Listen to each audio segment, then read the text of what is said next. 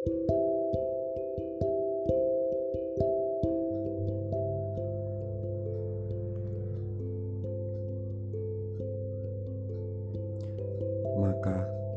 izinkanlah aku menulis untukmu tentangmu. Meski aku tidak tahu apakah surat ini akan tiba di sisi ranjangmu atau hanya terdampar di bentangan ufuk. Izinkanlah aku mengabadikan perjalanan kita agar aku tidak lupa bahwa suatu ketika di antara perjumpaan dan selamat tinggal, malam pernah dipenuhi senyum Senja pernah menjadi bait puisi. Hujan pernah mengantarkan kerinduan. Dan tangan kita pernah saling bergandengan. Di antara perjumpaan dan selamat tinggal, kita pernah sekuat tenaga berjuang menyatukan perbedaan.